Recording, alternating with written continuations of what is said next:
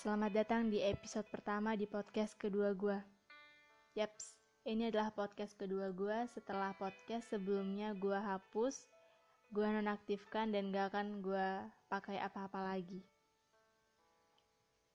Semoga di podcast ini akan tetap terus berjalan lancar dan gak akan gue nonaktifkan lagi seperti podcast sebelumnya. Doain ya. Oke, kali ini gue mau berbicara tentang sebuah sakit dan pengobatan yang berbeda.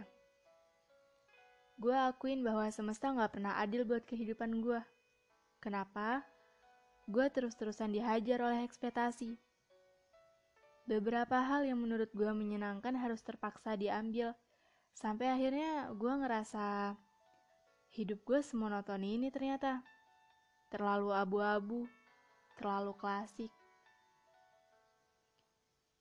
Gak ada hal yang harus diajak bahagia. Gak ada warna-warna indah. Walaupun banyak warna-warna, kalaupun dicampur padukan akan menjadi hitam.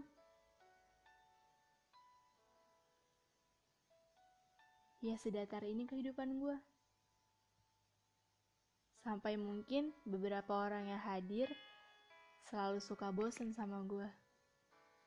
It's okay sih, Gak masalah juga kalau tentang itu mah. Gue paham, gue sadar. Karena keadaan juga, gue gak pernah yang namanya benar-benar bahagia. Gue berpikir itu semuanya palsu. Kadang nih ya, saat gue ngedapetin kebahagiaan, oke okay, gue bersyukur.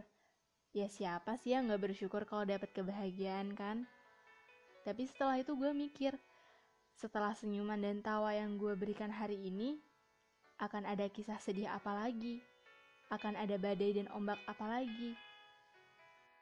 Karena mau gak mau gue harus tetap jalanin kan, mustahil gue nyerah di tengah jalan dan gue langsung berpikir, ya udahlah ngapain hidup dan ya itu bukan passion gue banget sebenarnya. Uh,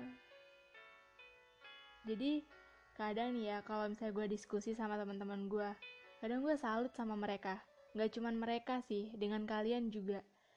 Semesta suka nggak adil sama kehidupan kalian tapi kalian bisa hebat ngelaluin itu semua. Kalian bisa berdiri sampai detik ini kalian bisa berlari melupakan semua hal-hal buruk yang lalu itu kalian hebat loh. Nggak semua orang kayak kalian. Kalian harus apresiasi diri kalian sendiri. Oke okay balik lagi ke gue.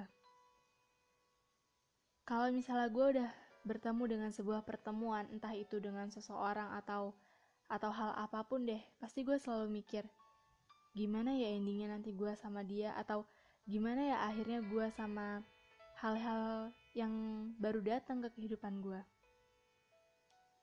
Gue selalu overthinking buat hal-hal kayak gitu.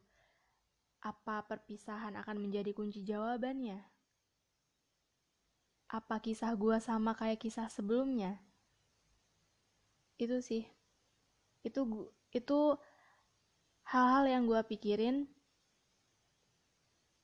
saat gue bertemu sebuah pertemuan. Karena karena pertemuan itu sebenarnya adalah awal sejarah dari sebuah perpisahan gitu kan. Jadi gini deh ini bukan tentang perjalanannya. Karena saat gue sama lo gue selalu nyiapin yang terbaik tapi kalau gue masih bertahan dengan semua sikap baik buruk lo, berarti lo emang pantas dia ada di sisi gue atau sebaliknya deh, gue pantas berada di sisi lo.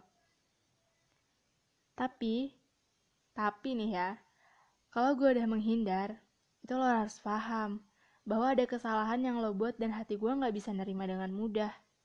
Itu intinya.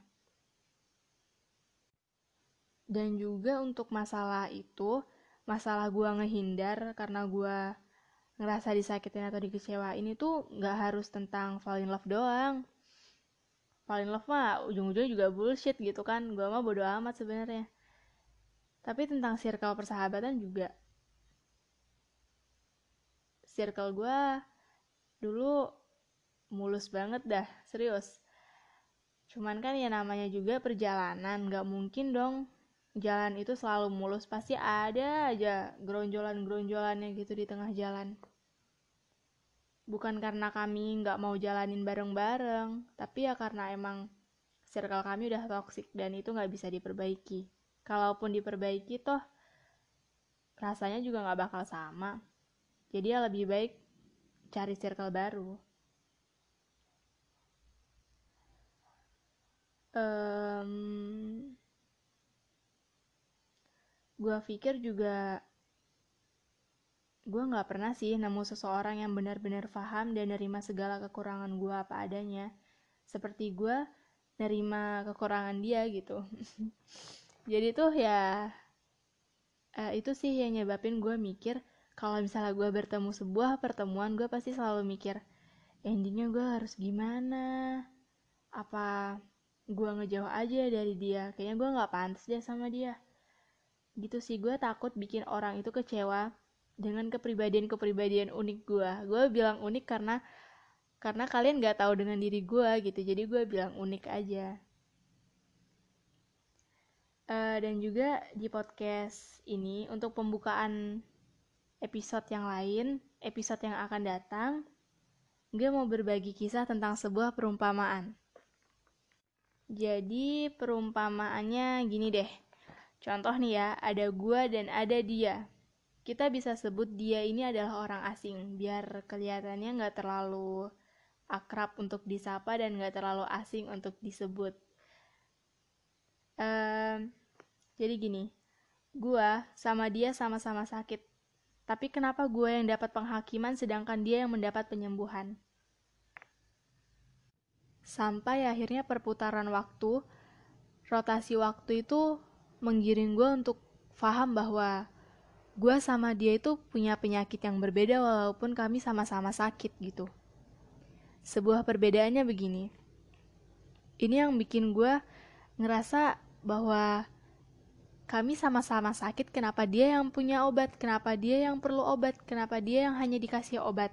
Sedangkan gue, orang lain gak peduli. Jadi begini, perbedaannya adalah dia sakit fisik sedangkan gue sakit mental. Gue dituntut untuk lebih kuat sedangkan dia dituntut untuk istirahat. Gue capek, gue perlu teman, tapi gue dicap sebagai pencari perhatian. Sedangkan keberadaan dia yang masih baik-baik saja tanpa air mata selalu dikelilingi oleh teman-teman.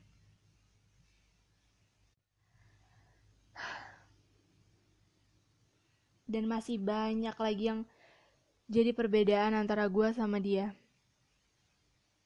Kalau kalian langsung nyimpulin gue sakit mental mah enggak gitu bro. Ini cuma sebuah perumpamaan, gue gak sakit mental elah. Kadang kalau gue lagi sendiri, I just wanna meet up with myself. Gue mau minta maaf untuk diri gue sendiri yang harus terpaksa kuat, terpaksa harus tersenyum, dan terpaksa untuk baik-baik saja. Walaupun lelah sekalipun, kadang gue pengen pengen serius deh gue pengen banget buat nyerah. Gue pengen ngeluh tapi selama ini gue nggak bisa. Karena dari awal dari kecil gue nggak pernah dididik untuk itu. Gue tahu gue paham gue ngerasain juga kok. Rasanya jadi anak pertama terlebih jadi anak tunggal kesuksesannya itu selalu dinanti oleh sanak keluarga Nggak jarang loh mereka harus menerima umpatan, cacian, pecundang, dan sebagainya. Apalagi kalau misalnya mereka udah down, jatuh, dan gagal. Please itu sakitnya bukan main. Karena yang namanya keluarga itu seharusnya support, bukan ngejatuhin.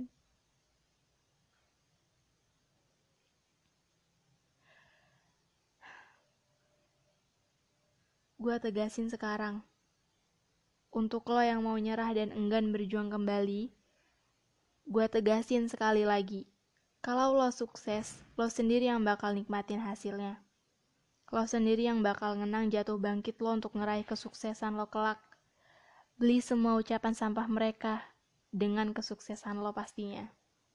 Love yourself. Gue yakin lo bisa. Oke? Okay?